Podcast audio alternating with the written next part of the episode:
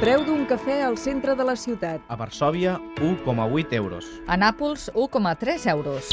Una barra de pa. A Varsòvia, 1 euro. A Nàpols, igual, 1 euro. El diari. A Varsòvia, 75 cèntims. A Nàpols, 1 euro amb 90 cèntims. Bitllet senzill de metro. A Varsòvia, 85 cèntims. A Nàpols, 1 euro amb 30 cèntims. Preu del metre quadrat de l'habitatge al centre.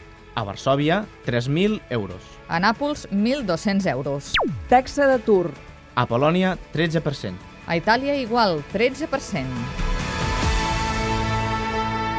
Doncs ara ja sabem on som. Ara ens hauríem de preguntar amb quin grau d'europeisme arribem cadascun a aquestes eleccions, cadascun dels països. Polònia, precisament, és el país més gran del bloc de l'est que, es va, que es va ingressar que va ingressar fa just 10 anys a la Unió Europea. Doncs sí, Polònia, Kilian, de fet és una de les societats eh, més proeuropees d'Europa, i valgui la redundància. La Unió Europea i l'OTAN també són avui per als polonesos com un paraigües econòmic i de seguretat, sobretot davant Rússia. I grans i joves, tots celebren una mica l'apertura que ha portat aquesta Unió Europea al fet de viatjar sense passaport, ho diuen tots. Un sentiment que ens resumia així el Shemisław, propietari d'una llibreria al centre de Varsòvia. Tot ha canviat, les ciutats han canviat, tot és més clar, té més color, som més feliços. L'economia noto que va millor que abans, però comparat amb Espanya o Irlanda encara ens queda molt per fer. A Nàpols... A Nàpols et diuen que se senten molt italians, també molt del sud, però tenen, eh, tenen ganes d'europees? Els últims tres primers ministres italians no han estat escollits a les urnes, però la vida política a Itàlia acostuma a ser tan moguda que, vaja, tampoc és que hi hagi unes ganes enormes d'anar a votar, jo diria. Eh? Es preveu una abstenció del 40% mínim. Al centre de Nàpols, amb prou feines, he vist una pancarta de les europees. A la campanya guanyarà possiblement el centre esquerra de Matteo Renzi, però amb molts bons resultats també del moviment 5 estrelles de Beppe Grillo. Beppe Grillo acapara el vot jove, euroescèptic, ells aposten per sortir de l'euro, tot i que també hi ha els que cons els consideren feixistes i populistes, aquí molts ho diuen. Li ho pregunto a Mariano Peluso, regidor del Movimento 5 Stelle a Nàpols, i em diu això. Noi siamo populisti. Nosaltres som populistes, som molt populistes, perquè populista en el sentit estricte de la paraula no és negatiu.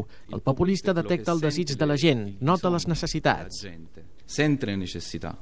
I després m'explicava tot el que ell ha impulsat a nivell local. Aspiren a entrar per primera vegada al Parlament Europeu. El més curiós de tot és que Peluso reconeix que no tenen absolutament ni idea de quin soci de viatges buscaran un cop a Brussel·les.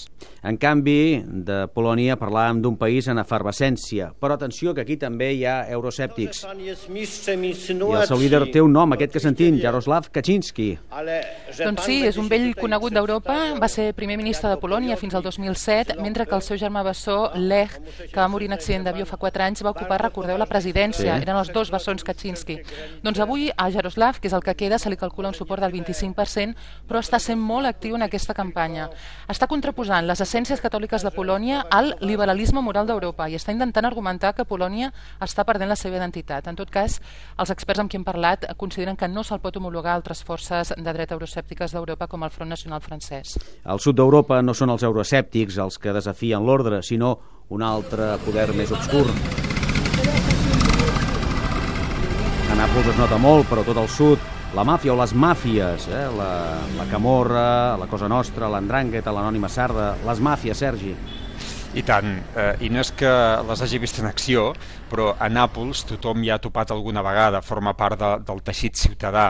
Un dels que hi lluiten més aferrissadament és Giovanni Conzo, fiscal antimàfia de Nàpols. A l'entrevista hi arribava amb escortes de dos metres d'alçada.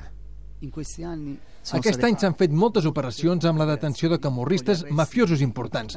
Tot l'aparell militar, encarregat de les armes, els que disparaven, els que cometien els homicidis, han estat detinguts. Particularment ha rebut un cop dur el clan dels Casalesi de la província de Nàpols. Tot i així, la camorra encara és forta. La camorra è ancora forte. I la Camorra és qui té els diners ara a la regió de la campanya, obtinguts sobretot durant les dues últimes dècades, per exemple, a través del negoci amb la indústria italiana i europea. Aquesta zona d'Itàlia ha estat l'abocador de milers i milers de tones de residus tòxics, tant enterrats com cremats. És la, la famosa terra dei fuochi, la terra del foc. Sí. Eh, ara bé, l'Antonio Pastena, químic, antic activista contra l'abocament de residus tòxics industrials, eh, assegura que el negoci l'han fet altres. Grosso dei capitali. El gruix del capital s'ha obtingut. Els grans beneficiaris han estat per la indústria de tot el nord d'Itàlia i del nord d'Europa, amb l'ajuda, amb la servitud estúpida de la camorra, que acceptava aquests residus per pocs diners i amb la destrucció del seu territori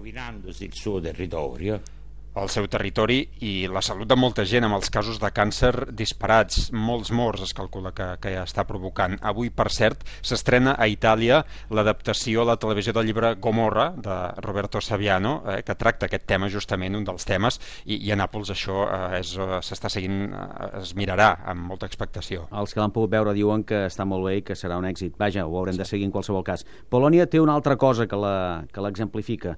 Té una de les esglésies catòliques més poderoses d'Europa, mentre Itàlia, i aquí hi ha una relació, acull el Vaticà. Un 90% dels polonesos es declaren catòlics. Fins a quin punt Cèlia s'immiscueix l'Església en la vida política, com havia passat anteriorment, ara que s'acosten les eleccions? Doncs mira, oficialment l'Església Catòlica no dona suport a ningú, extraoficialment de tots és sabut que el govern liberal de Donald Tusk té relacions tenses amb la jerarquia més ortodoxa d'aquesta església i que aquesta jerarquia està donant suport a l'opositor Kaczynski. Així ens ho explicava Jaroslav Gugala, que és un periodista i editor molt conegut de la cadena de televisió Polsat. La mayoría de los jerarcas de la Iglesia Católica apoya a la oposición a, a, a Jaroslav Kaczynski. Esos sectores ortodoxos, muy conservadores, separatistas tratan al gobierno actual, quieren luchar con ellos y dicen a la gente en las parroquias que son traidores, que son los que vendieron Polonia al gran capital. Realment s'adoctrina políticament els fidels des, de, des del púlpit? Doncs sí, eh, Kilian, és que li van preguntar directament al capellà Jaroslav Kozla, que és el mossèn de l'església de Sant Pere i Sant Pau del centre de Varsovia, i aquesta resposta era la que ens donava. Un po' sì, direi che non la Chiesa... Una mica sí, però no l'Església com a tal, sinó alguns capellans. No en el sentit de dir aquest és sí, aquest no, políticament, sinó de recordar a la gent el que és just i bo, com per exemple el dret a la vida. Giusto, buono, per esempio, il diritto di vita. Ja. D'on li ve aquesta influència i, i com es traduiria, quin rol té avui? A veure, la història tràgica pesa molt en el cas de Polònia i l'Església va ser un refugi físic, mental i moral, sobretot durant el comunisme, i això els polonesos encara ho valoren molt, igual que veneren la figura de Joan Pau II, la seva foto és per tot arreu i la seva canonització recent s'ha convertit en tema d'enfrontament electoral en aquesta campanya entre la dreta i els partits esquerres radicals. Doncs avui han fet etapa i ara la pregunta sempre del final. I demà què? A on? Demà jo a Zagreb, a Croàcia. I Tallinn, Estònia. Doncs que vagi molt bé, bon viatge. Bona tarda.